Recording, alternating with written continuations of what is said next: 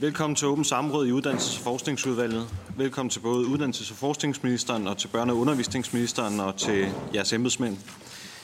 Velkommen også til de medlemmer fra Børne- og Undervisningsudvalget, som er mødt op til samrådet. Samrådet i dag handler om de lange sagsbehandlingstider for SBS-støtte til studerende med funktionsnedsættelser, herunder hvad regeringen vil gøre for, at de studerende ikke kommer i klemme, mens de venter på at få bevilget støtte.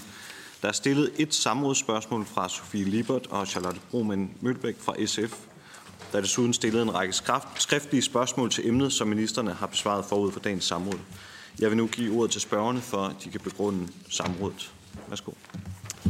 Tak skal du have. Og tak til begge ministre for at møde op. Jeg er ked af sådan at hive jer begge to herover, men det er jo sådan lidt et specielt område, som på den ene side ligger øh, i det ene ministerium, men så i en styrelse under det andet ministerium. Så jeg er glad for, at I begge havde tid til at besøge udvalget.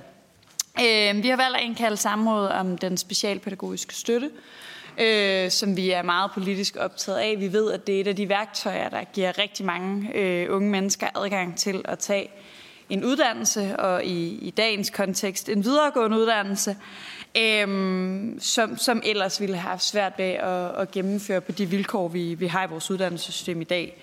Øh, den spe, specialpædagogiske støtte skaber lighed i et uddannelsessystem, hvor vi åbenlyst ikke alle sammen har samme forudsætninger, hvor det helt åbenlyst er sværere at læse lange pensumlister, hvis man er ordblind, end hvis man ikke er, og hvor det helt åbenlyst øh, er, øh, er mange forskellige typer udfordringer, som kan gøre det sværere at gennemføre en uddannelse. Vi ved heldigvis, at den specialpædagogiske støtte den faktisk virker, og at studerende med diverse funktionsnedsættelser har langt højere sandsynlighed for at gennemføre en uddannelse og for at være glade, mens de tager en uddannelse, hvis de får den her støtte. Øh, de er mindre tilbøjelige til at falde fra, og de er mindre tilbøjelige til at mistrives øh, og, og få dårlige resultater, når der øh, bevilges den nødvendige støtte. Og det er jo en succeshistorie, at vi faktisk lykkes med øh, at skabe øh, en vis lighed i uddannelse, øh, som ellers øh, kunne synes svær. Øh, vi kan også se, at langt flere studerende i dag har brug for den her specialpædagogiske støtte end bare for 10 år siden. I 2010 var der tale om 3 procent, der modtages to støtte, og 10 år senere var der altså tale om 11 procent. Det fordeler sig meget skævt på forskellige uddannelsesinstitutioner, men tendensen er den samme. Der findes ikke dele af vores uddannelsessystem, hvor behovet for specialpædagogisk støtte ikke er stigende. Samtidig øh, kan vi også se, at der er meget lange ventetider på at få den her hjælp. Den hjælp, som vi har masser af dokumentation for, giver nogle mennesker nogle muligheder, de ellers ikke ville have haft, øh, og faktisk også, hvis man skulle være helt kold og kynisk, er samfundsøkonomisk fornuftigt, fordi folk gennemfører uddannelser og ikke dropper ud. Øh, men der er lange ventetider. Øh, det varierer øh, mellem 6,5 og 16,5 uge, alt efter hvordan det udbud er blevet forvaltet, om det er eksterne eller interne folk, øh, der, der tildeler og leverer støtten. Øh, og 16,5 uge er, er lang tid i et studieforløb. Det vil jeg også våge den påstand, at 6,5 uge er. Øhm, men, men ikke desto mindre er, er det sådan, som vilkårene i udgangspunktet er i dag. Grunden til, at vi så har indkaldt til det her samråd, er jo ikke bare den generelle situation, men også en ekstraordinær situation, hvor et nyt IT-system har forværret problematikken ret markant. Ifølge Danske Universiteter var der 1.500 øh, studerende, der ventede på svar på deres ansøgning i december 2023. Alene på universiteterne. Det er jo værd at huske, at de fleste, der modtager specialpædagogisk støtte, går faktisk ikke på universiteterne, men går på andre uddannelsesinstitutioner. Øhm, og det er som sagt et nyt IT-system i øh, Styrelsen for Uddannelse og Kvalit- øh, Undervisning og Kvalitet, STUK i folkemunde. Øhm, jeg vil gerne øh, slutte af med at læse vores lidt lange samrådsspørgsmål højt, for det indebærer også nogle af de fakta, øh, som jeg synes er vigtigt, at vi tager højde for i det her samråd, fordi jeg synes, den aktuelle situation, som den så ud i december, øh, er meget kritisk. Så tak for at komme over, og jeg håber, I vil besvare følgende. Vil ministerne redegøre for, hvordan regeringen konkret vil sikre hjælp til de mange studerende med funktionsnedsættelser, der under hele eller størstedelen af efterårssemestret har ventet på svar på deres ansøgning om SPS, og som må antages at få forringet deres trivsel, faglige udbytte og eksamensresultater som følge af den manglende støtte. Der henvises til, at der ifølge opgørelser fra Danske Universiteter alene på universiteterne er 1.536 studerende, der afventer svar på deres ansøgning vil ministerne videre redegøre for, hvad regeringen vil gøre for at sikre, at eksisterende og kommende ansøgninger til SPS behandles hurtigt, og at der således ikke opbygges en endnu større sagspukkel, når flere studerende må antages at søge SPS ved forårssemestrets start. Tak for begrundelsen. Så vil jeg gerne give ordet til forskning og uddannelsesministeren. Tak for, øh, tak for det, øh, og tak for spørgsmålet. Du siger, Sofie, at du, at du beklager, at du ligesom har været nødt til at indkalde både øh, børne- og undervisningsministeren og øh, mig. Det synes jeg ikke, øh, at du skal, fordi med den måde, man, øh, man forvalter det her på, er det jo sådan set øh, naturligt nok øh, at spørge os øh, begge to. Det er sådan, at jeg vil indlede med at besvare første del af spørgsmålet, og derefter vil børne- og undervisningsministeren besvare den anden del. Jeg anser uddannelse som en grundsten i udviklingen af Danmark. Uddannelse skaber muligheder for den enkelte og er med til at fremtidssikre Danmark. Og derfor er det selvfølgelig vigtigt, at alle unge mennesker har mulighed for at tage en uddannelse. Det gælder også for unge med en funktionsnedsættelse. Her er jeg glad for, at vi generelt har gode støtteordninger til den gruppe, der understøtter, at de også har gode muligheder for at tage en uddannelse. I den sammenhæng er specialpædagogisk støtte i dagligtale SPS en rigtig vigtig ordning. SPS giver en individuel støtte, og den målrettes de udfordringer, som den enkelte studerendes funktionsnedsættelse giver i forhold til den konkrete uddannelse. Derved giver SPS den studerende mulighed for at tage en uddannelse på lige fod med andre studerende, på trods af den funktionsnedsættelse, som øh, de måtte have. SPS gives til både fysiske og psykiske funktionsnedsættelser, og det kan være alt fra en IT-hjælpepakke til ordblinde studerende til studiestøttetimer til studerende med en psykisk funktionsnedsættelse. Fælles for SPS er, at den både skal støtte den studerende i hverdagen på uddannelsen og i det omfang, at det er nødvendigt til eksamener. For at sikre, at studerende med funktionsnedsættelse får en god start på uddannelsen, er det derfor selvfølgelig rigtig vigtigt, at støtten iværksættes hurtigst muligt, efter at den studerende har søgt om støtten, så den studerende får den nødvendige hjælp så tidligt som muligt. Derfor er den generelle opfordring til alle de studerende også, at de skal tage kontakt til en SPS-vejleder ude på uddannelsesinstitutionerne, så snart de bliver opmærksomme på, at de kan have behov for støtte og at de studerende sørger for at tilvejebringe den nødvendige dokumentation for deres funktionsnedsættelse til brug for ansøgningen. Dernæst så skal uddannelsesinstitutionerne selvfølgelig hurtigst muligt bistå den studerende og hjælpe med at identificere støttebehovet og få ansigt, ansøgt om støtte til den studerende. Jeg kan forstå, at der forud for Styrelsen for Undervisning og Kvalitetsidriftelse, øh, og kvalitets i driftsættelse af det nye IT-system har været en særlig opmærksomhed på at få informeret institutionerne om, at der kunne forventes midlertidigt forlængede sagsbehandlingstider ved overgangen til det nye sagsbehandlingssystem. Så at institutionerne så vidt muligt kunne tage højde for det og indsende ansøgning i god tid. Det er klart, at når vi generelt opfordrer de studerende til hurtigere at søge bistand, og institutionerne til hurtigere forsøgt om det nødvendige støtte på vegne af de studerende, så skal de selvfølgelig også med helt med rette kunne forvente, at der i styrelsen bliver truffet afgørelse om tildeling af SPS hurtigst muligt. Det mener jeg sådan set også er en helt rimelig politisk forventning, at den ambition skal gennemsøge den offentlige administration. Styrelsen for Undervisning og Kvalitet, STUK, har i den forbindelse oplyst, at i perioden fra 2020 til 2022 er sagsbehandlingstiden i mere end 90 procent af sagerne afsluttet inden for 30 dage, fra styrelsen modtager ansøgningen fra institutionen, og til at styrelsen træffer en afgørelse. Det synes jeg egentlig er en rimelig øh, generel sagsbehandlingstid. Som børne- og undervisningsministeren vil komme nærmere ind på om lidt, så har øh, STUK og Styrelsen for IT og Læring siden 2021 arbejdet med udviklingen af et nyt IT-system til at understøtte administrationen af SPS. Det nye, det nye IT-system blev sat i drift i oktober sidste år, øh, og det er det, som aktuelt har medført midlertidigt forlænge, forlænget sagsbehandlingstider til SPS-ansøgningerne. Det er selvfølgelig utilfredsstillende for alle, at studerende med funktionsnedsættelser i efterårssemesteret to, øh, altså sidste år 2023 har skulle vente længe på at få svar på deres ansøgning om SPS. Og det er en situation, som jeg tror, altså vi i hvert fald, og det tror jeg sådan set alle andre også øh, ser på med, øh, med stor alvor.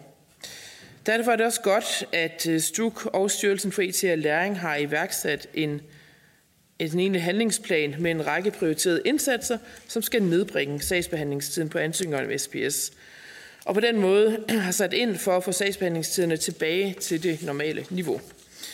De tiltag, som de to styrelser har iværksat, orienterede jeg udvalget om øh, lige en jul, ligesom jeg for kort tid siden oversendte en opfølgende orientering om, hvordan problemstillingerne søges imødegået konkret i forhold til eksamenerne her i januar måned. Og det vil børne- og undervisningsministeren også uddybe nærmere om lidt. Men som spørgerne angiver i spørgsmålet, så er der nogle studerende, der her og nu står og venter på svar, øh, og som er afhængige af støtten for at kunne gennemføre deres uddannelse. Derfor er det også godt, at STUK har truffet den beslutning, øh, at man hasterbehandler ansøger om støtte til brug for eksamener her i januar, ligesom studerende, som har fået SPS i andet halvår af 2023, nu får en generel godkendelse af, at de kan fortsætte støtten her i januar, hvis de har behov for det.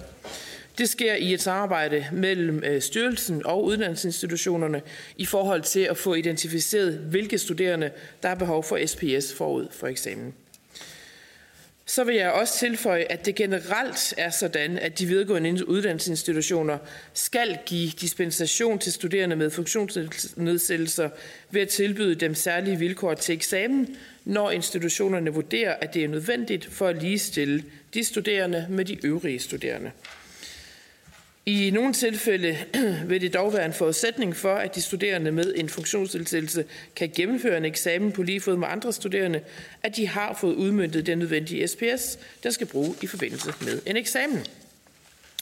Hvis der i den situation ikke er muligt for institutionerne at give den nødvendige tilpasning til en konkret prøve eller eksamen, fordi den studerende endnu ikke har modtaget den nødvendige SPS-støtte, kan det efter omstændighederne berettige den studerende til, at omprøve, til en omprøve, uden at det tæller som et eksamensforsøg i den pågældende fag. Det har den studerende mulighed for at søge hos uddannelsesinstitutionen. Hvis den studerende ender med at blive forsinket i uddannelsen på grund af den forlængede udmyndning af SPS, kan den studerende efter ansøgning til uddannelsesinstitutionen også tildeles ekstra SU-klip til uddannelsen. Der skal være tale om ekstraordinære omstændigheder i forhold til tilbagebringelsen af støtten, som den studerende øh, ikke har haft mulighed for selv at forudse. Uddannelses- og Forskningsstyrelsen, som jo er dem, der administrerer SU, har i lyset af den aktuelle situation gjort institutionerne opmærksom på, at den mulighed foreligger med henblik på, at de kan vejlede de berørte studerende om det. Så for at opsummere. Selvfølgelig skal der træffes afgørelse om tildeling af SPS hurtigst øh, muligt. Det har rigtig, rigtig stor betydning for de studerende, som er berørt af det. Øh, der ses med stor øh, alvor på situationen, både i øh, Styrelsen for Undervisning og Kvalitet og i Styrelsen for IT og Læring. Øh, og de har lagt det nødvendige fokus for at få sagsbehandlingstiderne tilbage til deres normale niveau. Så er der et særligt fokus på studerende, som skal til eksamen her i januar, som efter omstændighederne har mulighed for at få en omprøve, hvis nogle af de ting, jeg nævnte før, altså øh, at man laver en hastebehandling af præcis den gruppe, og øh, at man forlænger de godkendelser, som måtte ligge fra sidste semester til også at være gældende i januar. Hvis det alligevel skulle stille nogen i knibe, så er der så, øh, som man sige, i sidste, som sidste udvej, øh, de her muligheder for øh, omprøve. Øh, og så er der jo, så, så som nævnt, dispensationsmuligheder i både uddannelses- og SU-reglerne for studerende, som er blevet ramt af øh, forlængede sagsbehandlingstider. Øh, det er ikke øh, optimalt. Det er sådan set øh, helt øh, på det rene med det er også mit indtryk, at man hele vejen rundt, altså dem, der arbejder med det her, øh, gør, hvad man overhovedet kan for øh, og, øh, at hjælpe de studerende, som er berørt af det. Så nu vil jeg give ordet til børne- og undervisningsministeren, som vil redegøre nærmere for det arbejde, som STUK og Styrelsen for IT og Læring har iværksat med henblik på at få nedbragt sagsbehandlingstiderne.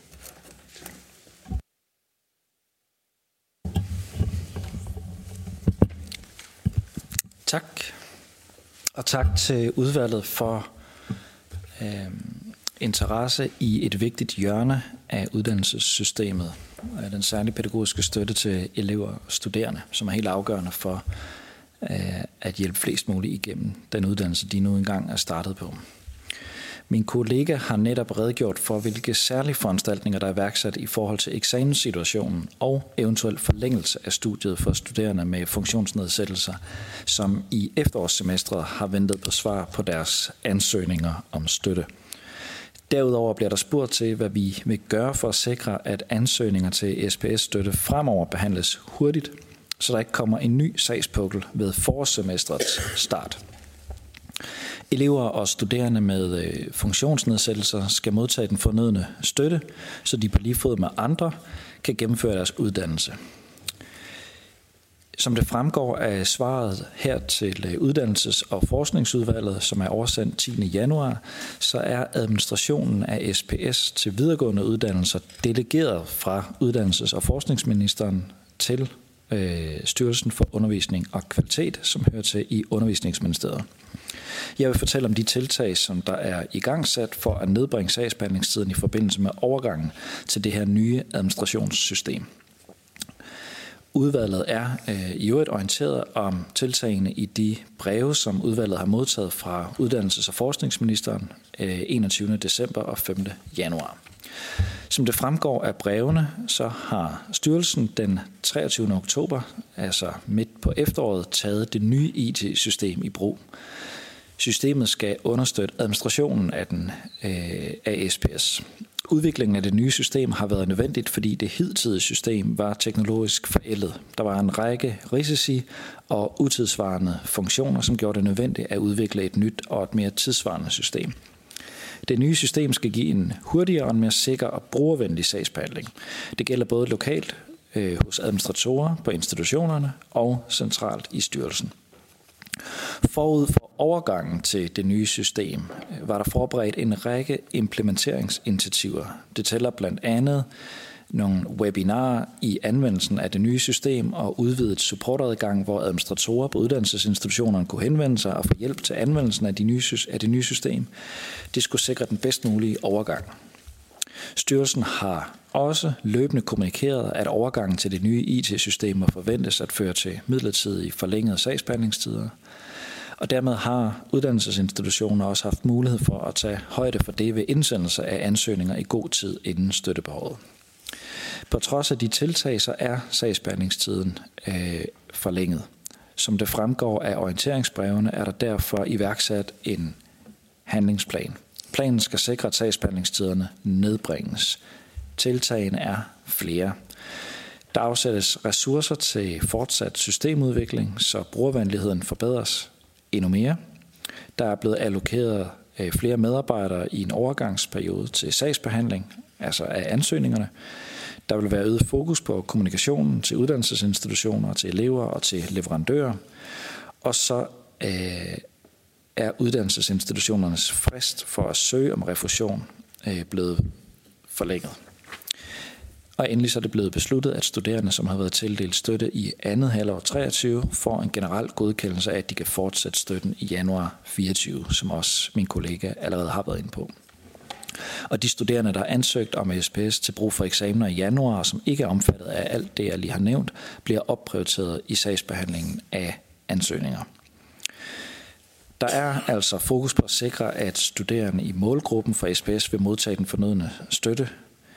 Øh, og jeg kan her til slut fortælle, at de ansvarlige styrelser selvfølgelig følger øh, implementeringen af det nye IT-system og sagsbehandlingstiderne meget tæt og vil iværksætte yderligere tiltag for at sikre en hurtig og en ordentlig sagsbehandling, hvis det bliver vurderet nødvendigt. Tak for ordet.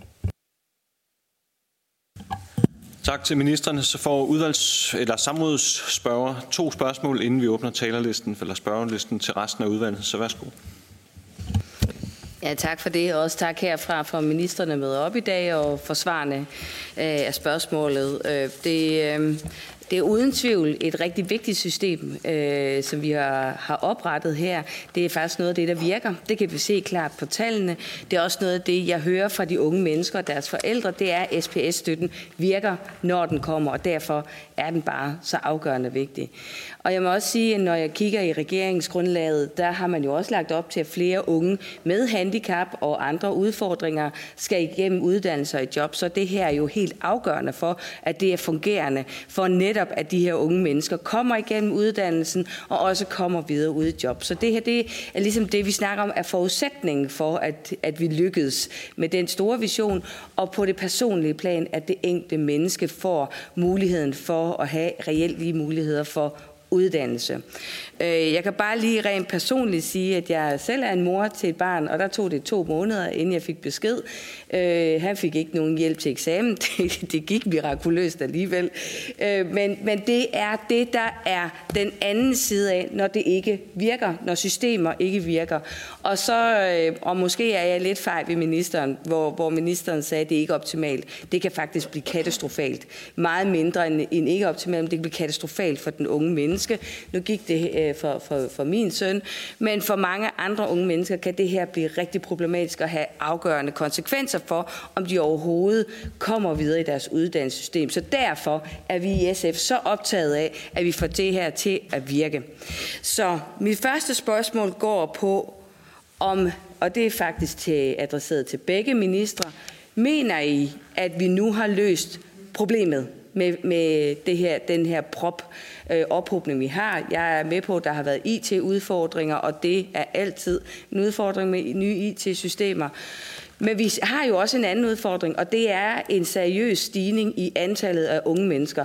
Den er ikke så markant på universiteterne alligevel mærkbar, men på erhvervsuddannelserne kan vi se, at der er en væsentlig stigning af unge mennesker, der har behov for den her støtte.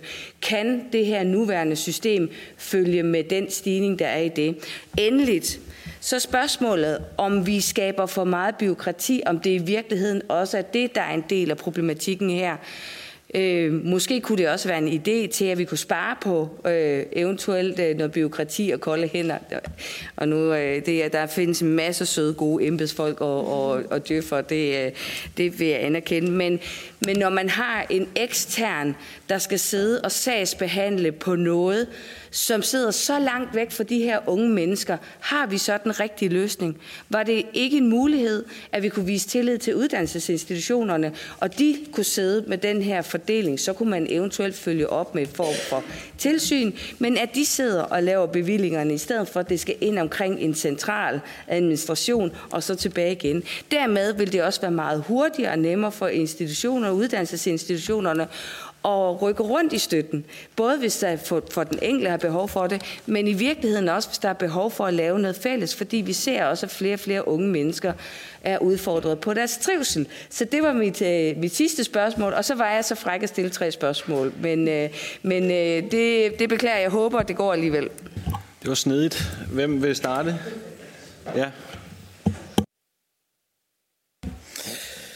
Tak. Øh, og jeg vil forsøge at besvare øh, alle. Øh, alle tre. For det første bliver der spurgt, er problemet løst? Øh, jeg vil sige, problemet er jo løst den dag, at sagsbehandlingstiderne igen er normale. Og, og det, som er vurderingen nu fra Stuks side, er, at man regner med at have en normal sagsbehandlingstid ultimativ, ultimo april 2024. Så jeg vil sige, problemet er løst, når vi, når vi har normale sagsbehandlingstider øh, igen. Øh, så til spørgsmålet omkring, øh, omkring byråkrati, kunne man eventuelt lægge, lægge administrationen af det her ud til den enkelte øh, uddannelsesinstitution. Altså jeg synes jo sådan set, at vi skal se fordomsfrit på alle måder, som, som der blev også blev påpeget. Øh, altså så er hele det her område jo under en gevaldig udvikling øh, i... Øh, øh, i det her øh, år. Det er ikke nødvendigvis sådan, at der bliver mindre byråkrati, bare fordi man flytter det et andet sted hen. Øh, og jeg tror i hvert fald, at min intuitive tilgang til det er, at vi skal kigge på det her, altså sagsbehandlingen med borgernes briller, altså med den, i det her tilfælde den studerende, der har et behovsbriller. Øh, og for de fleste af dem, så er det jo gældende, så går, man, så går man jo fra en ungdomsuddannelse måske til en videregående uddannelse videre. Og der vil jeg synes, at det vil være en fordel, at man møder en nogenlunde en sagsbehandling. Så er der selvfølgelig forskel i de vejledninger, man får, som jo beror på den enkelte uddannelsesinstitution. Det er jeg helt med på, og det er måske også godt nok, fordi det er jo dem, der kender til behovet på den specifikke uddannelse. Der er også forskel på, øh, hvad det er for et uddannelsesforløb, man skal igennem. Men, men en nogenlunde ensartethed øh, i sagsbehandlingen, uanset hvilken institution man så øh, er på igennem livet, mener jeg nok intuitivt vil være, altså er til borgernes, øh, er til borgernes øh, fordel. Børne- og undervisningsminister. Øhm, ja, er problemet løst, er det første spørgsmål. Øhm, altså normalt så er sagsbehandlingstiden jo under en måned. Øhm, og det er jeg egentlig enig med uddannelses- og forskningsministeren. Det er sådan øh, udmærket. Øh, men i den seneste tid har det været 44 dage. Øh, det synes jeg er for højt. Øh, men som min kollega også siger, så regner vi med, at vi er tilbage på normal sagsbehandlingstid i slutningen af april. Men det er jo sådan på kort sigt. Øh, den sådan politiske overvejelse på lidt længere sigt er jo, at det er struktureret på den rigtige måde. Øh, og grunden til, at jeg synes, det er en helt relevant øh, problemstilling, er, at der er markant flere elever og studerende, der har behov for SPS-støtte end tidligere. Og at det system, vi har jo, er bygget op i en tid, hvor det var markant færre, der havde behov for støtte. Øhm, jeg er enig i, at øh, for elever og studerende er der en fordel i en centraliseret øh, sagsbehandlingsfunktion, når man tænker på, at det så er genkendeligt. Øh, og at øh, også, at der oparbejdes nogle specialistkompetencer, øh, som måske ikke kan være til stede på alle institutioner. Nogle uddannelsesinstitutioner er jo kæmpe store og vil godt kunne oparbejde specialistkompetencer i et lokalt administrationskontor, men andre vil jo ikke overhovedet være i stand til at foretage en ordentlig faglig vurdering. Men da vi forhandlede den forberedende grunduddannelse for et par måneder siden, øh, diskuterede vi faktisk også det her, fordi der er SPS indrettet lidt anderledes, end der er i resten af uddannelsessystemet. Der er noget af det, man kan få støtte til andre steder, øh, i uddannelsessystemet, som på den forberedende grunduddannelse bare er indarbejdet i det generelle læringsmiljø, i en erkendelse af, at en meget stor del af elevgruppen vil have behov for det, og at ellers så ender vi med at skulle faktisk skulle individuelt behandle ansøgninger fra, jeg tør ikke lige sige et flertal af eleverne, men i hvert fald en meget stor andel af eleverne på FGU. Og hvis du ser på, hvad der er, der bevilges støtte til i dag, så er for eksempel ordblindhed er jo en meget stor andel af det. Jeg tør ikke lige sætte procenter på. Det kan være, der er kloge folk omkring os, der kan det, men det er en ret stor andel af det. Og øh, øh, den diskussion, vi i hvert fald havde, da vi forhandlede FGU, øh, er, om der også er andre steder i uddannelsessystemet, som måske kunne lade sig inspirere af, at nogle af de meget store klumper, som altså gælder for tusindvis af øh, elever og studerende, måske med fordel kunne hives ud af et individuelt sagsbehandlingssystem og lægges lidt mere ud som en del af den, det almindelige undervisningsmiljø på en uddannelsesinstitution. Men det er der altså både fordele og ulemper ved, og derfor skal det lige øh, gennemtænkes ordentligt. Men jeg mener i hvert fald på FGU, hvor der er så enormt et støttebehov, der er det fornuftigt, at vi ikke har individuel behandling af alle ansøgninger. Men der er meget langt fra FGU og til nogle af de videregående uddannelsesinstitutioner, hvor, det, hvor, det, altså, hvor elevgruppen er helt, eller gruppen af studerende er helt anderledes. Jeg har Anne Helund og Marlene Harpsø på spørgelisten, og ja, meld jer gerne, hvis der er flere, der gerne vil spørge. Men så tager vi først Anne Helund. Jamen, i enhedslisten der er vi helt enige med SF i, at det her det er virkelig vigtigt område, og at det er en kritisk situation for alt for mange studerende og elever, at de har skulle vente så længe på at få den støtte, som de har brug for, og jo egentlig har brug for helt fra start.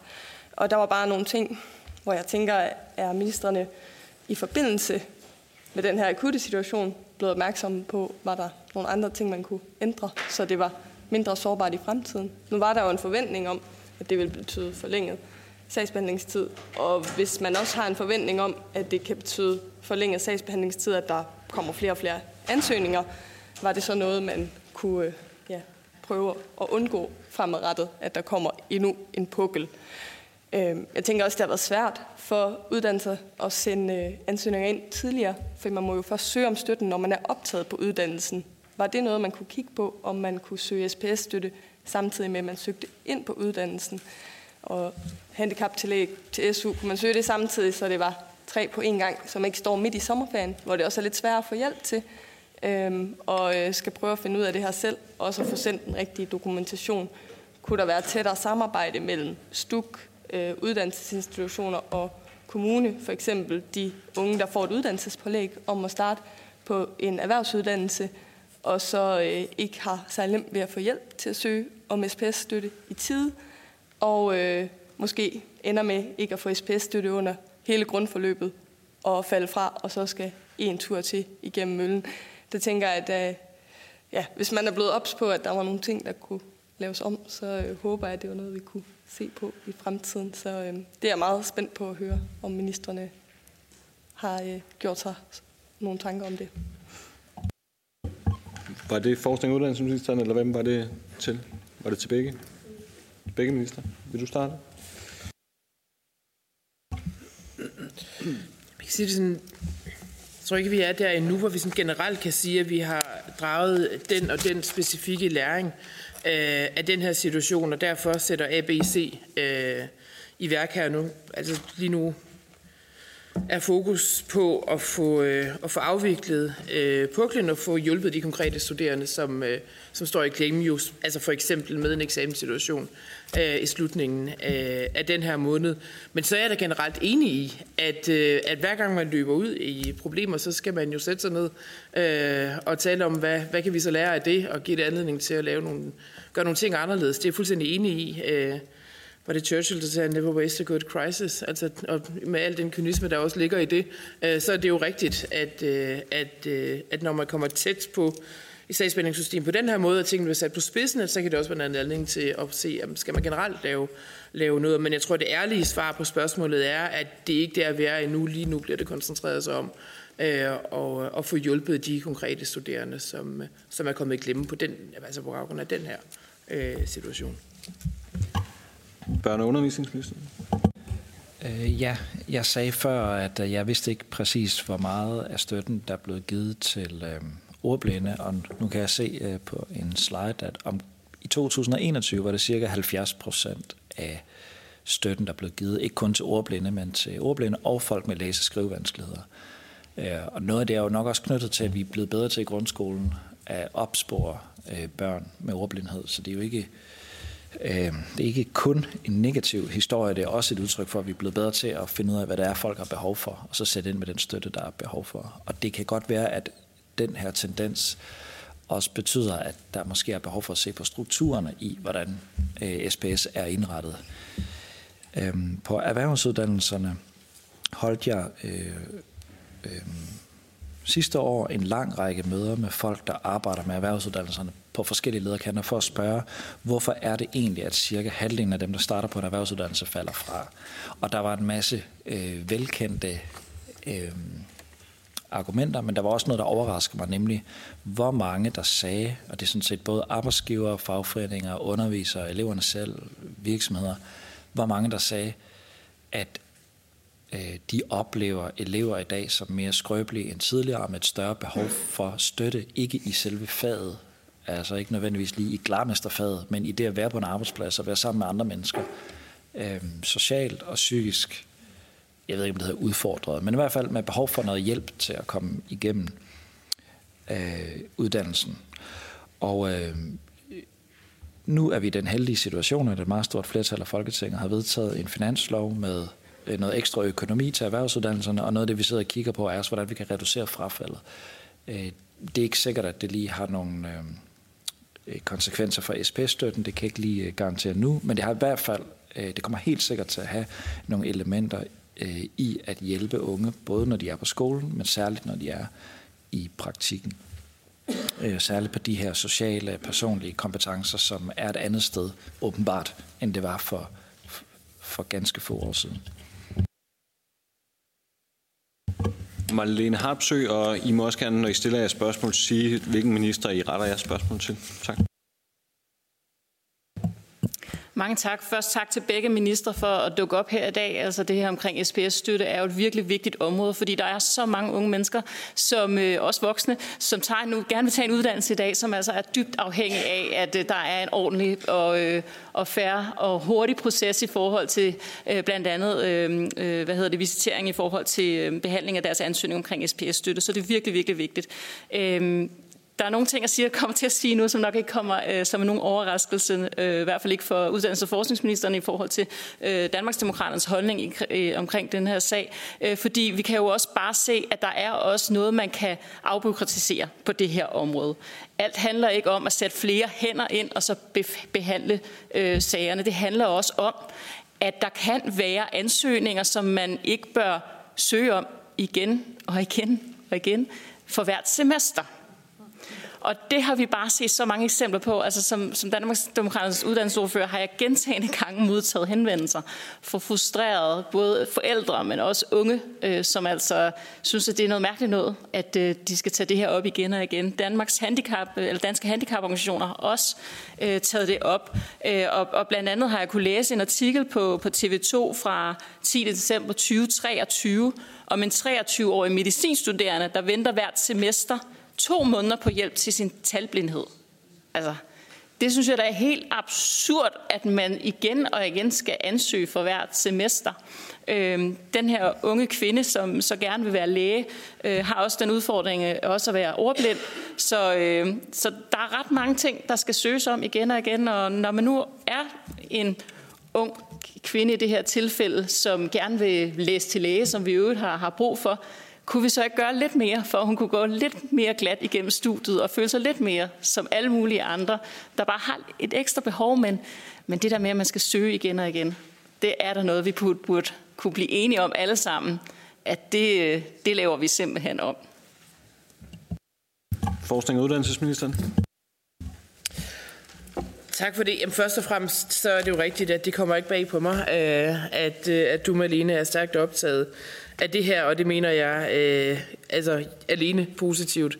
Øh, og det er jo rigtigt, at man også får funktionsnedsættelser, som enhver kan tænke sig, at det er nok noget, man fortsætter med at være, øh, skal søge også måske flere gange, end man egentlig selv synes øh, er, er logisk. Det kunne man godt kigge på. Altså er der noget i funktionaliteten generelt i forhold til de her systemer, øh, som, som, som skal laves om.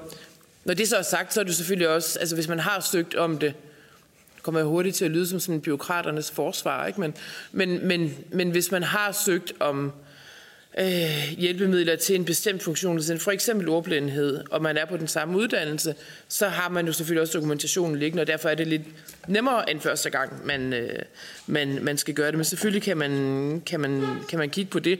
Så glæder jeg mig i øvrigt øh, til, vi blev jo enige om... Øh, tilbage i juni øh, sidste år, da vi lavede en reform af, af universitetsuddannelserne, faktisk at afsætte penge øh, til, øh, til at forbedre vilkårene for øh, studerende med, med forskellige funktionsnedsættelser, og det skal vi mødes om, om ikke, øh, om ikke så forfærdeligt længere, finde ud af, hvordan kan de penge jo så bedst muligt øh, gøre, gøre gavn, og det, det glæder jeg mig til. Sofie Lippert.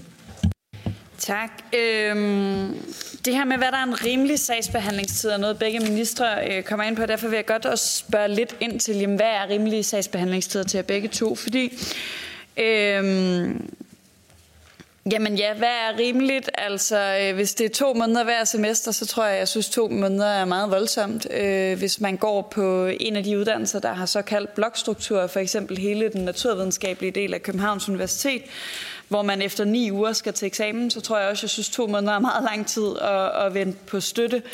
Øh, hvis det var to måneder i løbet af en, en fire- eller femårig uddannelse en gang, så var det måske øh, mere spiseligt. Øh, så, så i virkeligheden lidt i forlængelse af, af Marlenes øh, spørgsmål. Øh, Øhm, hvad er en rimelig sagsbehandlingstid? Øh, børne- og undervisningsministeren kommer ind på, at, at 44 dage i stuk er for lang tid, 30 dage er måske mere rimeligt, men det den studerende oplever er jo ikke sagsbehandlingstiden i stuk. Det den studerende oplever er jo sagsbehandlingstiden i stuk, plus den tid, der, øh, der foregår ude ved leverandørerne. Og det er sådan i dag, at, at øh, leverancen, må det hedde, af, af SPS skal sendes i udbud. Og vi kan se ret markante forskel på, øh, hvad hedder det, øh, på leveringstiden, på ventetiden, øh, alt efter hvem der vinder det her udbud, om det er en ekstern eller en intern aktør.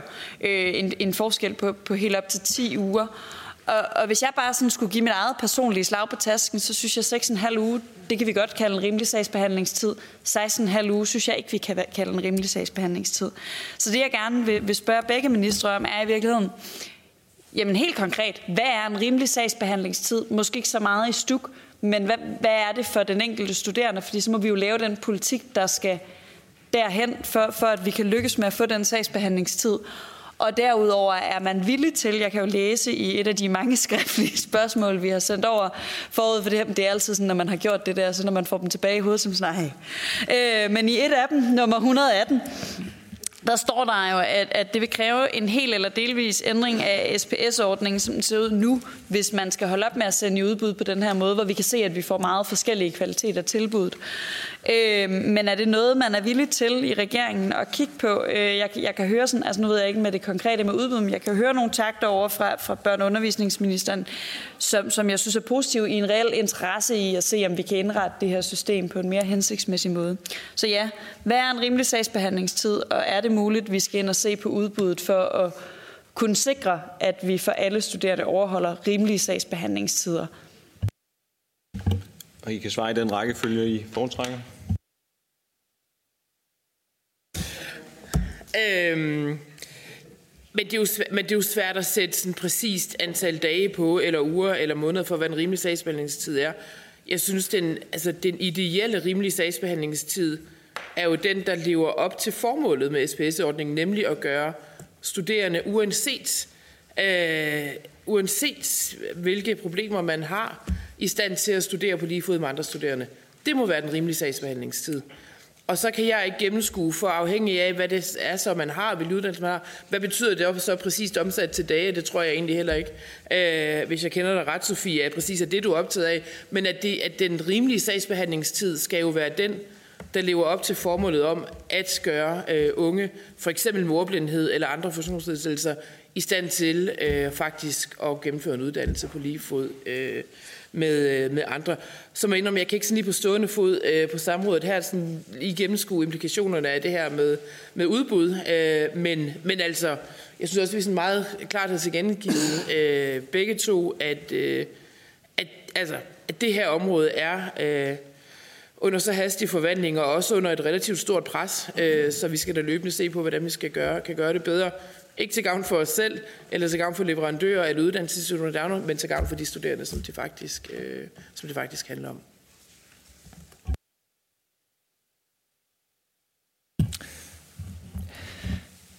Øhm, ja, der er jo mange sagsskridt fra man øh, opdager, at der måske kan være behov til noget, og til man faktisk står med støtten. Og et af de mange sagsskridt er jo så sagsbehandlingstiden i STUK, og det er lige den, jeg øh, ved mest om.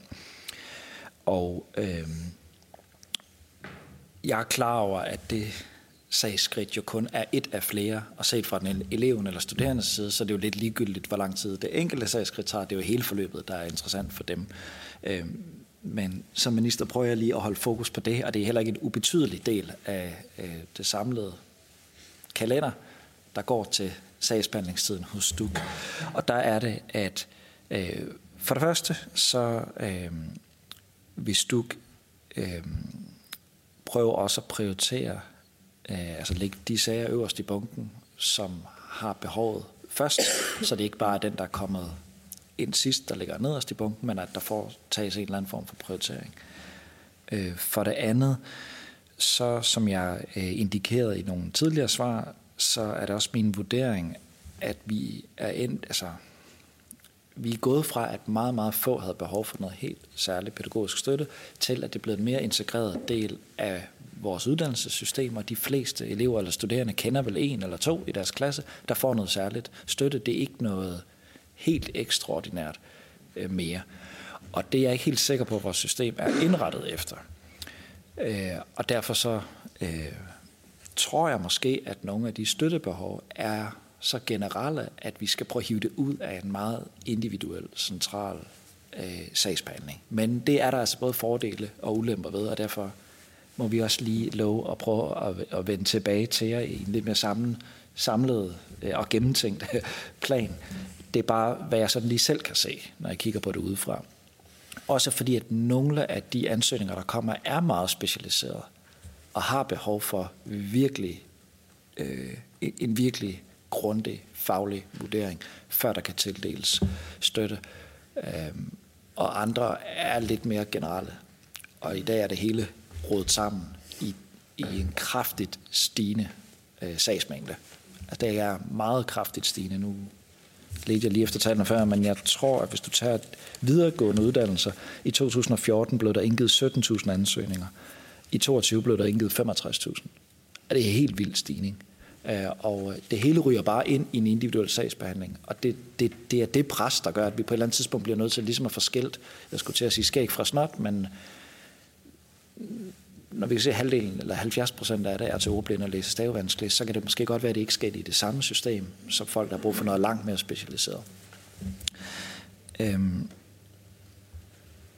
så skal jeg også sige, at øh, sagsbehandlingstiden i høj grad også afhænger af, om sagerne er sådan tilstrækkeligt opløst. Øh, det, koster meget på sagsbehandlingstiden, hvis der ikke er vedlagt de rigtige dokumenter, og hvis papirerne ikke er udfyldt rigtigt, og det skal sendes frem og tilbage. Øhm, til Marlene Hamsø vil jeg sige, at sådan de tekniske dele af, af SPS, altså det kan for eksempel være tegnsprogstolkning, eller øh, øh, nej, undskyld, øh, hvis du for eksempel har læst stavevanskeligheder, du får adgang til nogle, nogle øh, tekniske hjælpemidler, så gælder det for hele uddannelsen. Det skal ikke ansøges hver halve år. Det er for eksempel personlige støttetimer. Det skal genansøges hver halve år. Og argumentet er øh, dels økonomistyring, Øh, det er rimelig dyrt, men også fordi støttebehovene kan ændre sig. Så det er også for at sikre en eller anden form for systematik i, at man følger op på, jamen er der fortsat behov for den her forholdsvis dyre støtte. Øh, det kan man selvfølgelig skrue på og sige, at det er hvert år eller hvert andet år, men altså, så kører økonomitallerne altså også bare, for det er, det er mega dyrt. Øh, og derfor er jeg også mere optaget af det her med, kan vi få nogle af de der sager ud af sagsbunkerne og få håndteret et andet system, så vi kan få lettet presset på SBS-systemet, som jeg vil ikke sige, det er overbelastet, fordi sagsbehandlingstiden er egentlig rimelig pæne. Men det er klart, når man går fra 17.000 til 65.000, bare på de videregående, så har du ungdomsuddannelserne ved siden af. Så er det klart, på et eller andet tidspunkt, så må det jo sætte sig i sagsbehandlingstiden. Charlotte Mumann. Ja, Tak for det. Øhm, der er ingen tvivl om, at hvis det her det lykkes, så er det faktisk en af de billige indsatser på det lange perspektiv samfundsøkonomisk, end hvis man ryger ud af uddannelse og falder uden for offentlig forsørgelse, alle de ting, kender tallene. Øhm, så derfor er det her så vigtigt. Men jeg kan også mærke, at jeg bliver simpelthen jeg bliver ramt lidt på vegne af de unge mennesker med handicap, som i forvejen har deres udfordringer med at komme igennem dagen. Øh, en ting er at have udfordring med ordblindhed eller talblindhed, og det er også en udfordring, og det er afgørende, at man får den rigtige hjælp. Men mange af de her unge mennesker har psykiske lidelser, autisme med en angst oveni. Vi har nogle med omfattende muskelsvind, respirations, øh, øh, brug for hjælp til respiration, så videre. Der er stor forskel, som også ministeren så fint faktisk var inde på lige før. De elever pålægger vi at de hvert halve år skal gøre deres egen sagsbehandlingsarbejde i forhold til at søge om den støtte, der er så afgørende vigtig. Derudover så skal de leve med et system, der er brudt sammen, øh, eller i hvert fald har betydet væsentlige udfordringer på, på ventetider, og det er jo ikke første gang, vi har set det. Altså det, det er ikke så lang tid siden, vi havde alvorlige problemer med det sidst. De står og venter på deres støtte og ikke kan komme videre, oveni at de også skal leve deres liv med alle de udfordringer, det medfører. Jeg synes, vi har et system, der pålægger de her unge mennesker alt for mange byrder. Og så er det jo fint, de har ret til at få en, en ny eksamen eller en ny prøve osv. Men så lægger man igen ansvaret over på de her unge mennesker, som mest af alt har brug for et smidigt system. Så det er derfor, det er så vigtigt, at vi har en smidig sagsbehandling omkring SPS-støtten. Og jeg kan bare igen tage eksemplet med min, med min egen søn. Alt var sendt ind, der blev administrativt godkendt. Der er ikke en sjæl i stuk, der har snakket med min søn. Fred være med det, han skal nok få den hjælp. Jeg er helt med på, at de øh, er gode til det, de skal, på dem, der leverer øh, støtten til det. Men, men jeg kan bare ikke se, hvorfor det administrativt er bedre for det unge menneske? Altså er det måske der, vi skal begynde at kigge på systemet? Jeg kan ikke se, at det er til gavn for borgeren. Øh, i, I virkeligheden så putter man bare et lag ekstra administration ovenpå, når det så skal ud af huset igen, og så ind i huset igen på leverandøren. Man kunne måske lave noget certificering af den støtte, man så leverer ud på uddannelsesinstitutionerne. Og jeg er med på, selvfølgelig kan I ikke forpligte jer på et helt nyt system. Jeg siger bare, når vi har et SPS-støttesystem, der igen er i udfordringer inden for kort tid, og vi ser de massive stigninger, vi har, og en individualisering i vores samfund, som presser de her særlige støttesystemer, så kunne det godt være, at vi skal begynde at tænke anderledes, som øh, øh, i virkeligheden er, er inde over. Så det, det er bare for at sige, skulle vi prøve at kigge på, hvordan vi kunne gøre livet lettere for de unge mennesker, og ikke bør søge hver halve år eksempelvis. Det kunne også være en måde at lette byrderne i stuk, hvis man holder fast i den løsning. Og så det andet spørgsmål, jeg stillede i første omgang, der sneg mig til tre spørgsmål. Det er, og det er for begge minister, at jeg mangler et svar på, om der er en vurdering af, om STUK kan følge med det stigende pres, sagsbehandlingspres, der er for nuværende med de mange flere unge mennesker, der har brug for individualiseret hjælp, og eventuelt også måske en, en form for løsning på, hvad kan vi gøre med dem, så vi måske kan klare mere i fællesskabets rammer end en, en individualiseret sagsbehandling. Hvem vil lægge ud? Der er rift om Ja, jamen, jeg kan jo starte med at sige, altså, kan Stuk følge med af spørgsmålet, men svaret er at Stuk skal følge med. Ja, så når sagsbunkerne vokser, så øges mængden af timer, der bruges på at behandle sagerne. Øh, og øh, dermed bruges en større del af ministeriets samlede ressourcer på at sagsbehandle. Og det kan vi så diskutere frem og tilbage det fornuftige i. Øh,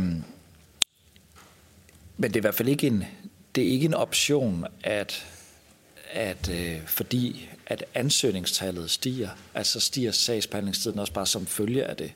Altså, så bliver der nødt til at blive brugt ekstra ressourcer, og det er jo det, der gør, at nu jeg som minister, jeg gætter på min forgænger i min stol også tidligere, har fået grå hår over, at, at bunkerne bare vokser og vokser og vokser, at ansøgningerne bare stiger, stiger, stiger. Og det er jo også et udtryk for noget i tiden. Nu sagde jeg før, at på ordblindområdet er vi blevet bedre til at opspore ordblindhed tidligere, blandt andet i folkeskolen.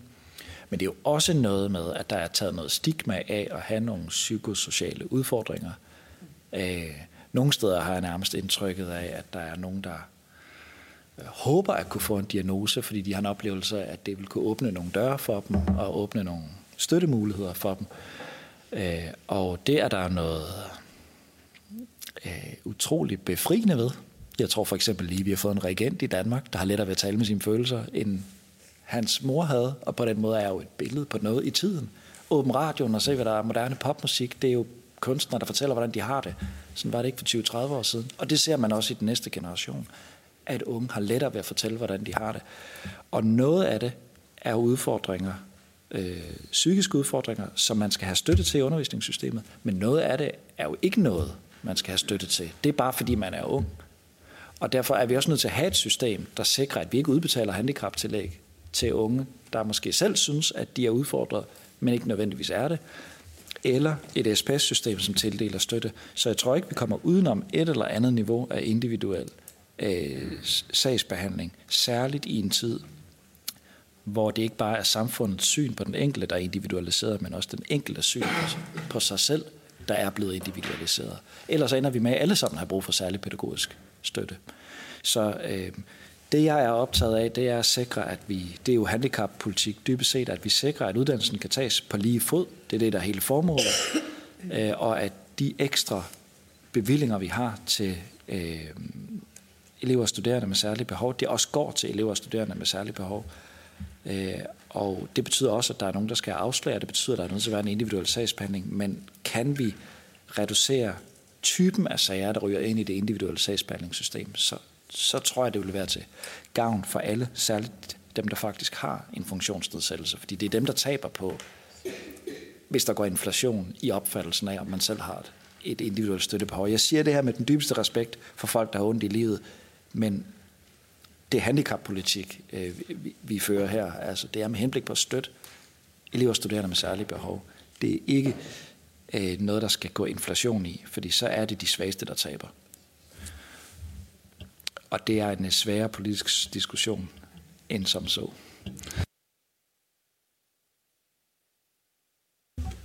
Hvis jeg bare må tilføje, altså, jeg er meget, meget enig øh, i, øh, i det, Mathias siger. Altså, og det er jo, helt ærligt, det er jo svært det her. Øh, og det tror jeg egentlig, at, øh, at de fleste er, er enige i. Altså, vi må heller ikke komme derhen, hvor vi etablerer et ønske om at ville hjælpe så mange, at man ender sådan et regime, der hedder, at vi skal hjælpe alle, og dermed ender med ikke rigtig at hjælpe nogen, og særligt dem, der så har måske det tungeste øh, behov for, øh, for hjælp. Øh, så er det jo vigtigt, det er enig med dig i. Altså, det skal jo ikke være sådan, at man i ansøgningsperioden føler, at man bare er overladt til sig selv. Øh, og det er jo heller ikke meningen med det system, som vi har. Det er bygget op på den måde, at man jo starter helt nært, altså med en SBS-vejleder på den institution, man går på, og taler med dem, fortæller sig ret om, hvad er det, der kan give mening i din situation, og det er jo dem, øh, som kender den udsendelsessituation, ved, hvad det er for nogle eksamensformer, man har, og så videre. Hvad er det, der kan give mening i forhold til øh, den situation, den, øh, den enkelte har. Det led vil jeg være ked af øh, at fjerne, fordi det er det, der er aller tættest på borgeren. Omvendt, hvis man lægger det hele derude, og det er ikke sådan for at sige, at, at, at, at det er perfekt, og vi ikke kan flytte nu på noget. Det kan man altid. Ting kan altid blive bedre. Men, men det er måske bare for at tage en dilemmaet op, fordi hvis man så flyttede det hele derud, det er der sikkert nogle store uddannelsesinstitutioner, der fint vil kunne håndtere, og som også vil have en eller anden kritisk masse af vejledere nok til, at de også får en ekspertise i faktisk at kunne vejlede godt. Øh, og så vil der være mindre uddannelsesinstitutioner, som ikke har de muligheder. Og hvem der så taberne i det, det bliver jo så øh, den studerende, som, øh, som møder en vejleder, som aldrig har mødt, mødt et lignende type behov, og derfor ender med ikke at blive, at blive øh, vejledt ordentligt. Så, så altså øh, total åbenhed for at kigge på, kan man gøre det her, indrette det her på en anden måde. Øh, men men jeg, jeg tror, det vil være til borgernes ulempe, hvis man enten vælger en model, hvor det hele ligger ud på uddannelsesinstitutionen, eller vælger en totalt centraliseret model, fordi så er det jo så, at man altså, i udredning af, hvad er det egentlig, man har behov for, faktisk bliver mere overladt til sig selv. Det er der en stor risiko for, ikke? Nu har vi cirka 25 minutter tilbage og seks personer på spørgelisten, så jeg synes, at vi fra nu af skal begynde at tage to spørger ad gangen. Og vi lægger ud med Mads fra SF og så Lise Bertelsen. Så værsgo Mads Olsen fra SF først.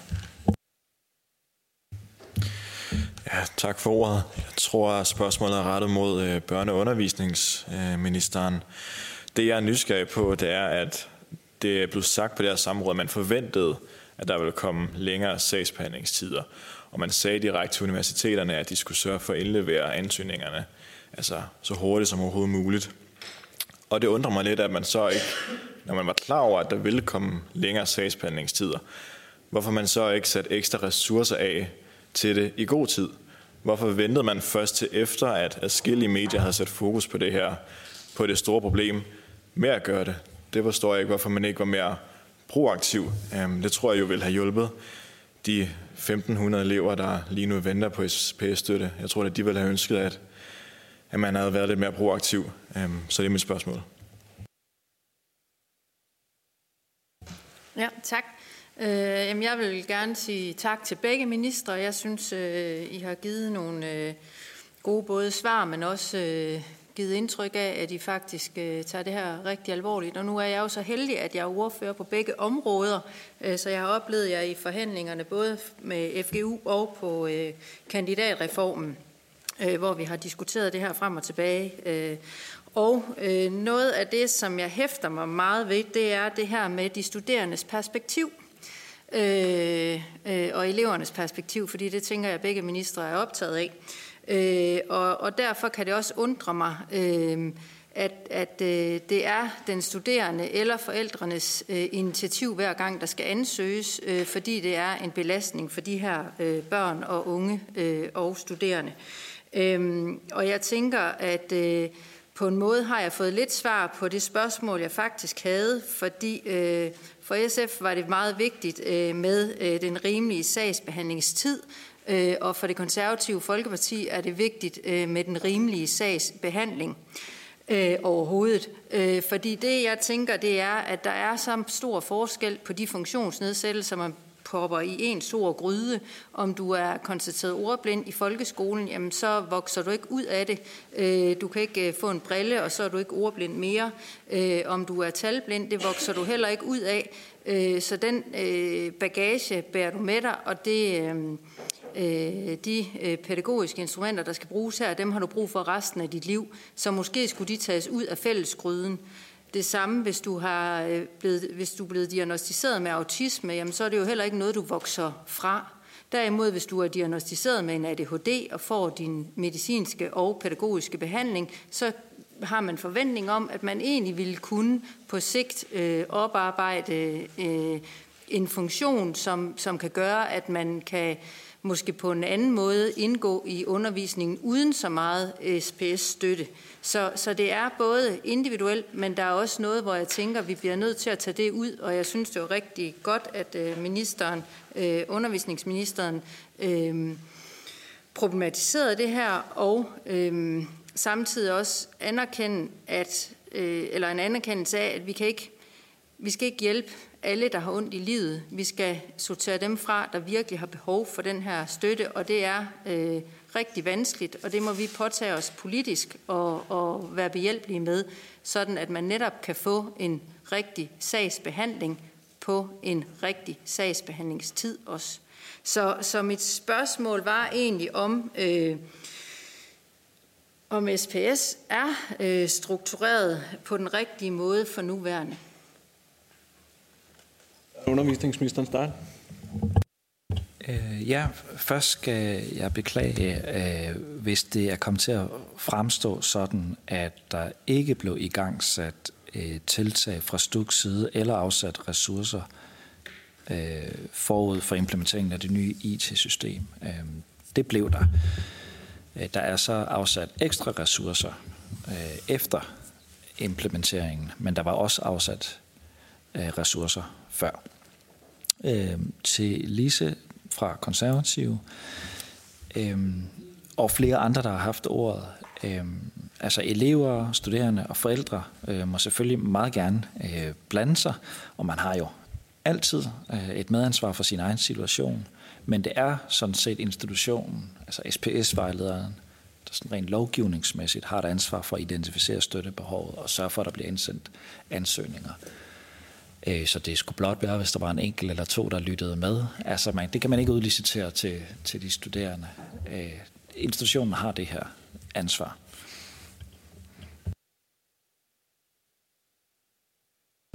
Nej. Så går vi videre til Marlene Harpsø, og derefter Anne Helund. Værsgo, Marlene. Ja, mange tak, og tak for nogle af de øh, svar, som ministerne har givet på mit forrige spørgsmål. Øh, når jeg så vælger at tage det her emne op igen, så er det jo blandt andet fordi, at øh, jeg hører uddannelses- og forskningsministeren sige, at det her med at nedbringe det byråkratiske bøvl og rent faktisk sikre, at man ikke skal genansøge hvert semester, for eksempel hvis man er ordblind og har behov for nogle IT-programmer, jamen så kunne man godt kigge på det.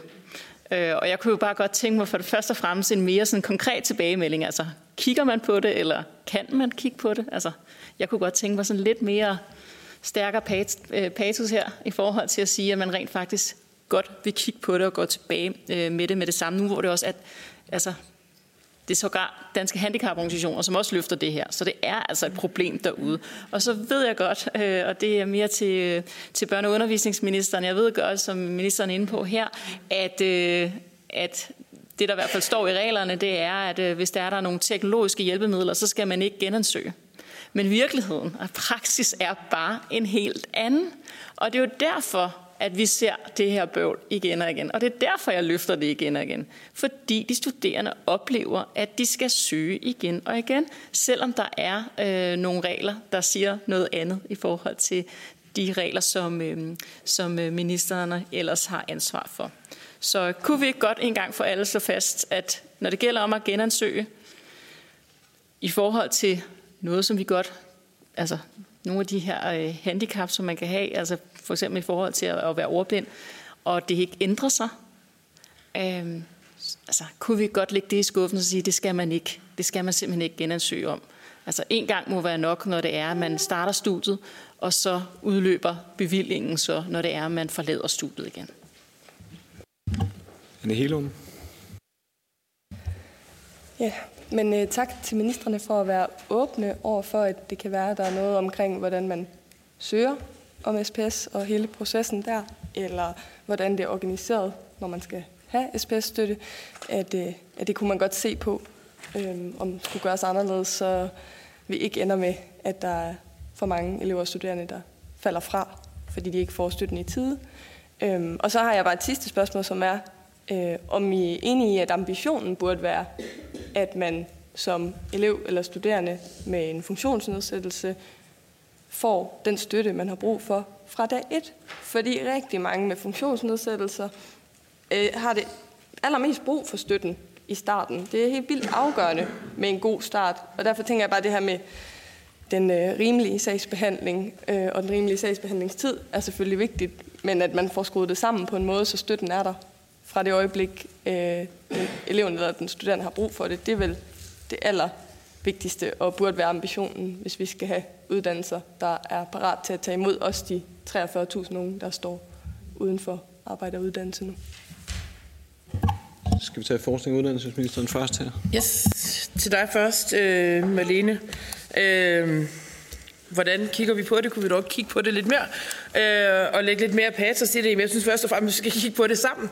Øh, og, øh, og i det ligger jo også, at altså, vi bliver nødt til at tale om det her. Vi har jo den lignende problemstilling øh, i, øh, i Uddannelses- og Forskningsstyrelsen i forhold til udbetaling af, af handicaptillæg øh, for dem, øh, som, som skal have det. Og nogle af problemstillinger er nogle af de samme, som går igen i forhold til SBS, så er der også nogle ting, der er anderledes.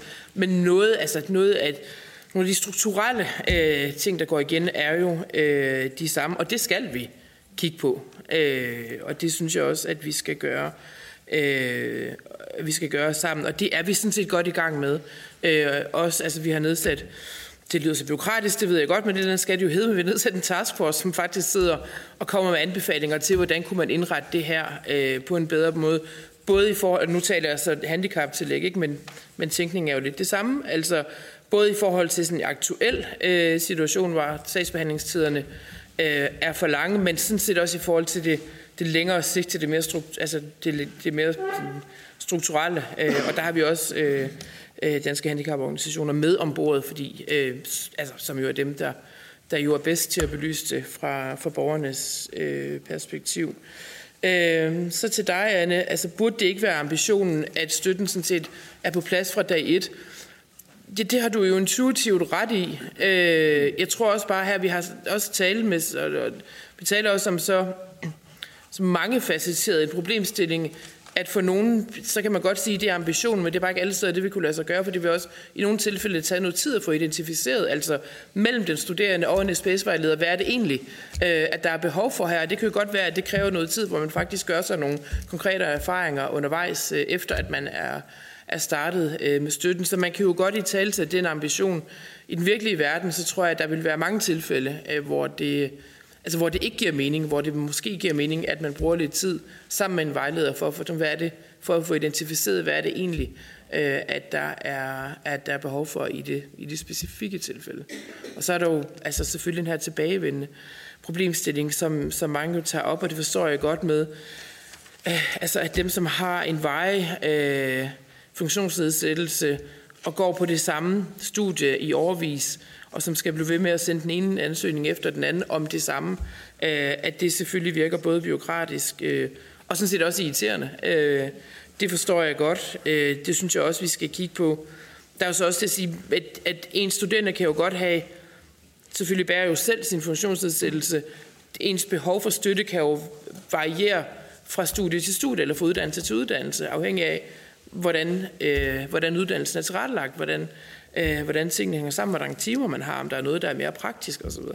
Øh, så, så der er jo mange lag øh, i, i det her, men jeg vil gerne her så give en, en, også en mere patosbelagt tilkendegivelse af, at det skal vi, øh, det skal vi ind i rigtigt. Øh, ja. Øh, Marlene Hapsø siger, øh, at der er forskel på, hvordan at det opleves i virkeligheden, og hvordan de regler, øh, jeg refererer til, de er udformet. Øh, og det går selvfølgelig ikke, hvis, øh, hvis det er sådan, det hænger sammen. Jeg vil godt øh, henvise til det, der hedder svar på spørgsmål 60, der er sendt til børne- og undervisningsudvalget til Astrid Karø fra SF, hvor der netop spørges til noget af det, som du også spørger til nu, øh, Malene, nemlig det her med at skulle søge igen og igen. Øhm, og her i fremgår det for eksempel, at hjælpemidler til ordblinde er noget, der indkøbes, øh, og som dækker hele uddannelsesforløbet. Og det er sådan set også en engangsudgift, øh, som man har betalt for, at hjælpemidlerne sådan set dækker hele uddannelsesforløbet. Så øh, den app, eller hvad det er, man har købt adgang til, skal jo ikke slukke efter et halvt år. Øh, fordi staten har sådan set brugt penge på, at det skal dække hele uddannelsesforløbet.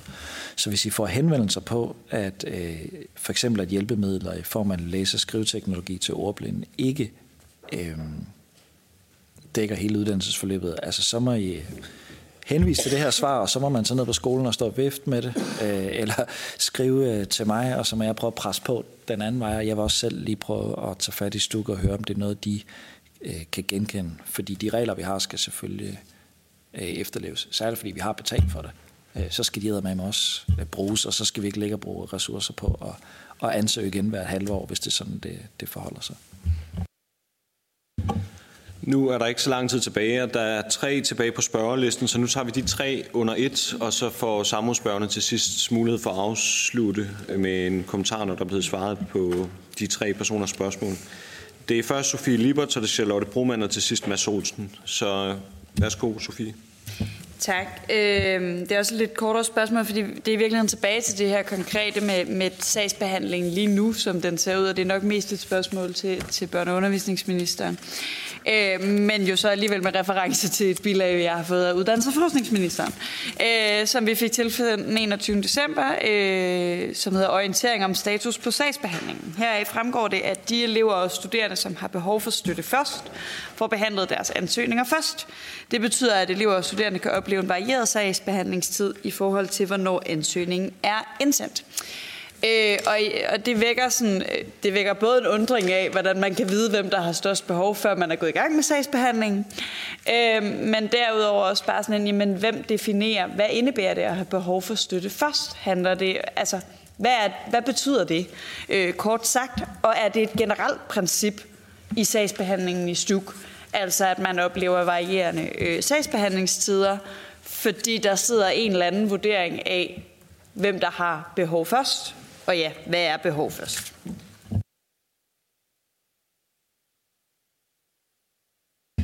Ja, tak. Jamen, jeg synes, det er positivt, og jeg kan høre på ministeren, at vil kigge på nogle af de her øh, øh, huller, der er i forhold til, det er der også nævnt, handicaptillæg. Øh, nu snakker vi om øh, SBS-støtte. Noget af det, der også er udfordringer med det i de individuelle studieplaner, det er jo det, de unge bøvler rigtig meget med halvårligt, og hele tiden selv skal, skal søge ind på.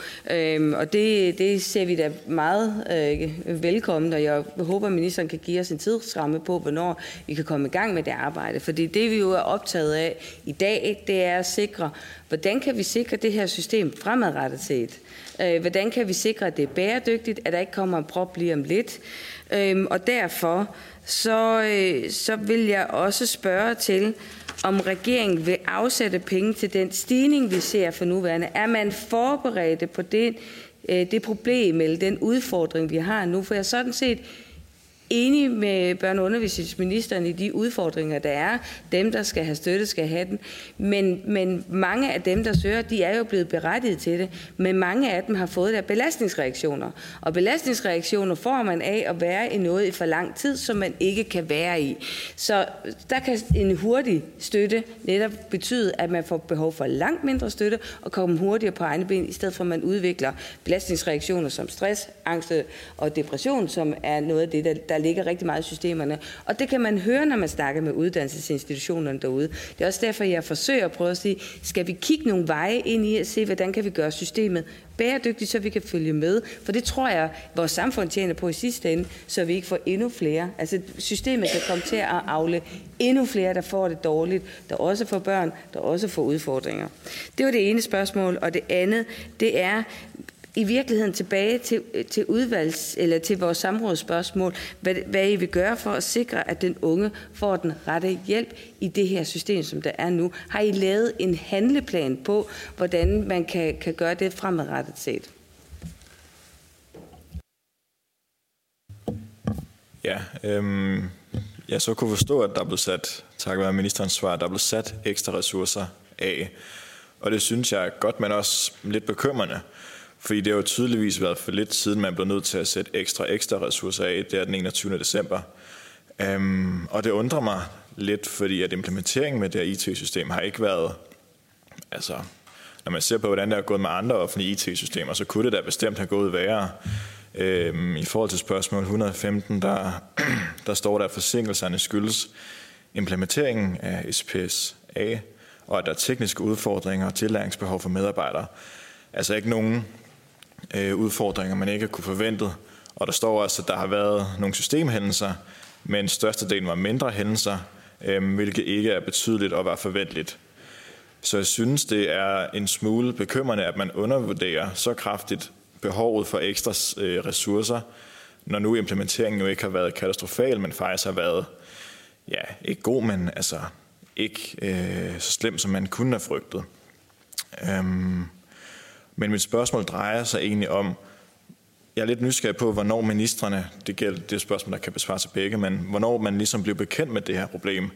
Fordi i artiklen, øh, studerende med udfordringer oplever helt urimelige ventetider på livsnødvendig støtte af TV2 øh, den 21. november sidste år.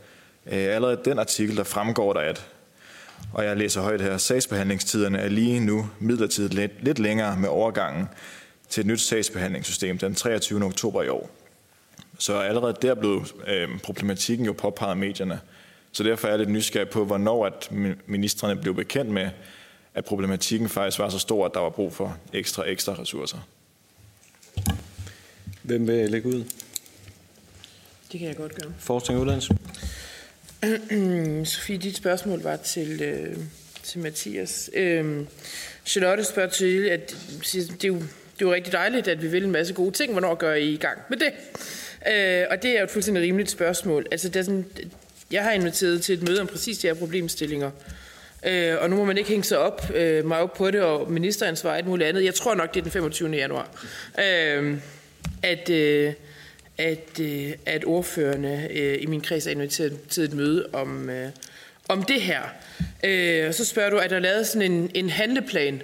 Og nu ved jeg ikke, om du mener i forhold til den, altså den aktuelle situation, øh, eller om sådan generelt en handleplan. Det er i forhold til det aktuelle. Ja.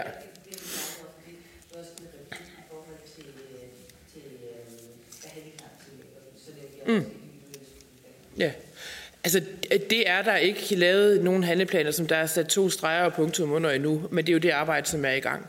Øh, og, og det er i gang. Altså, det er vi i gang med øh, og, øh, og kigge på.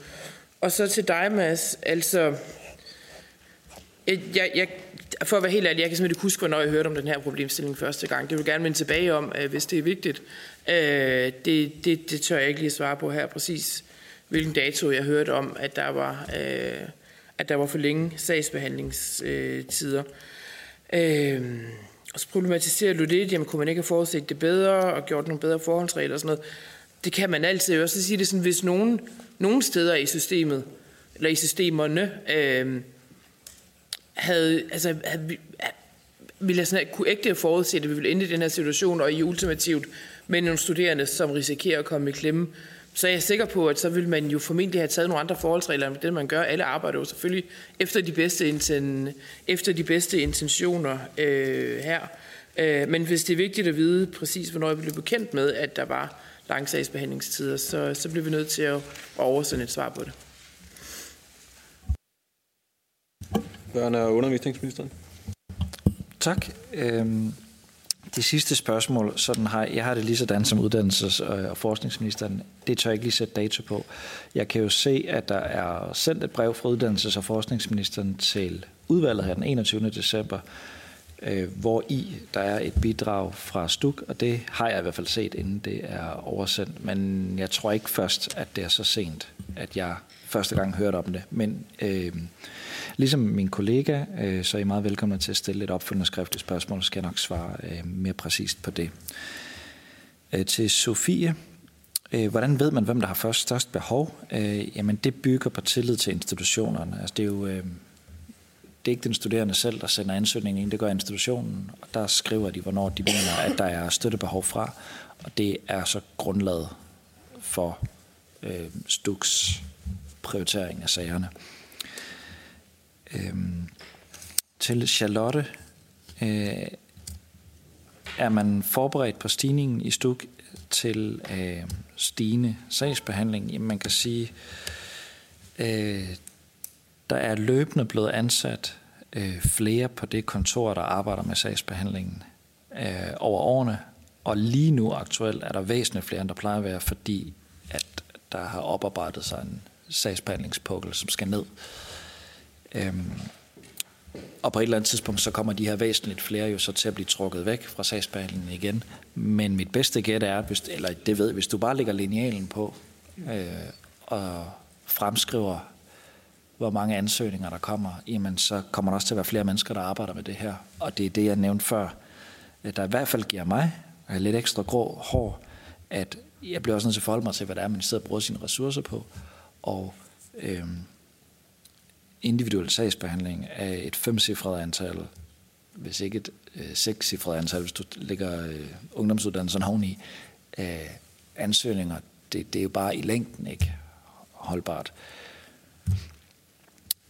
Øhm, ja. Tak til ministerne. Så har Samus spørger mulighed for en afsluttende bemærkning.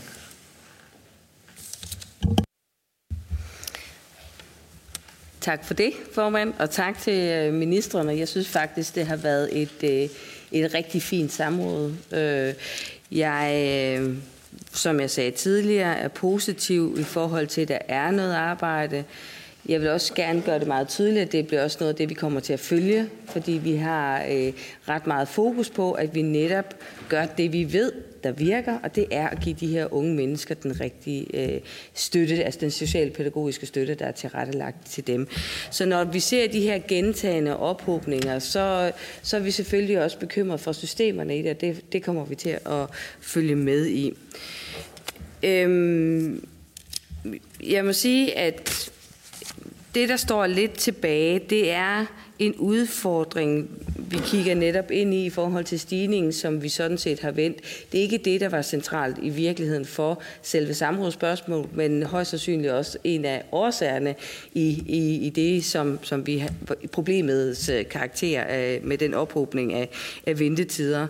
Og, øh, og der, øh, der håber jeg virkelig, at regeringen er opmærksom på, at det her det er noget, vi skal i gang med nu. Det er rigtig vigtigt, at vi bliver dygtige til at give de her unge mennesker den rigtige hjælp. Lige nu, hvis man tager ud og snakker med de unge mennesker, der står derude, rigtig mange af dem oplever, at det er en lang vej op ad bakke, øh, ud over alt det, der foregår ude i kommunerne, som er en sag i sig selv, så kan det være vanvittigt svært at få lov til at gennemføre sin uddannelse. Og det synes jeg er jo helt fjollet, når vi er så oplyst et samfund, som vi er i Danmark, så burde det at være en grundlæggende ret. Og det er jo også derfor, jeg sidder her med FN's handicapkonvention, fordi det er jo i virkeligheden noget af det, der er grundlæggende for, hvorfor vi har valgt et SPS, SPS-støttesystem. Det er netop for, at man kan få den rigtige hjælp for at komme igennem. Og så, øh, så er det bare ærgerligt, at vi kommer til at, at spænde ben for os selv og for de unge mennesker ved, at vi bliver for langsomme, og vi kommer simpelthen til at give hjælpen for sent. Når vi snakker med, med uddannelsesinstitutionerne, og jeg har absolut ikke snakket med dem alle sammen, men trods alt en, en, en fin bredde, så noget af det, jeg hører, der går igen, det er også muligheden for at tilrettelægge deres, øh, deres hverdag og deres praksis lige præcis efter den gruppe unge mennesker, de har, så det ikke kun bliver den individuelle. Og det tror jeg er vigtigt, at vi tager med i det arbejde, der forhåbentlig kommer til at ske fremadrettet set, så vi bliver dygtige til måske også at forhindre de store udfordringer, de individuelle sagsbehandlinger, men måske også få lavet mere et uddannelsessystem, som er mere fleksibelt for de unge mennesker. Det, øh, det tror jeg, vi skal, vi skal lytte rigtig meget til. Så øh, tak for svarene i dag. Og tak for øh, også viljen til øh, og i øvrigt at understrege, at det her er en ret, de unge mennesker har. Så håber jeg, at vi ser fremadrettet set, at det kommer til at, øh, at kunne, øh, det i hvert fald skinner igennem på de ventelister, vi ser at unge mennesker i det mindste får, får, for får, den, øh, får den støtte, de har brug for, når vi snakker SPS-støtten. Øh, det håber, jeg håber ikke, vi skal genbesøge det igen om et par år, fordi så, øh, så skal vi nok finde på noget andet. Og om ikke andet, så er vi i hvert fald villige til at indgå i konstruktivt øh, samarbejde omkring at kigge på strukturerne. Så tak for det. Tak for et fint samråd til både udvalgsmedlemmer, embedsmænd og minister. Samrådet er afsluttet. Det er sjældent, man har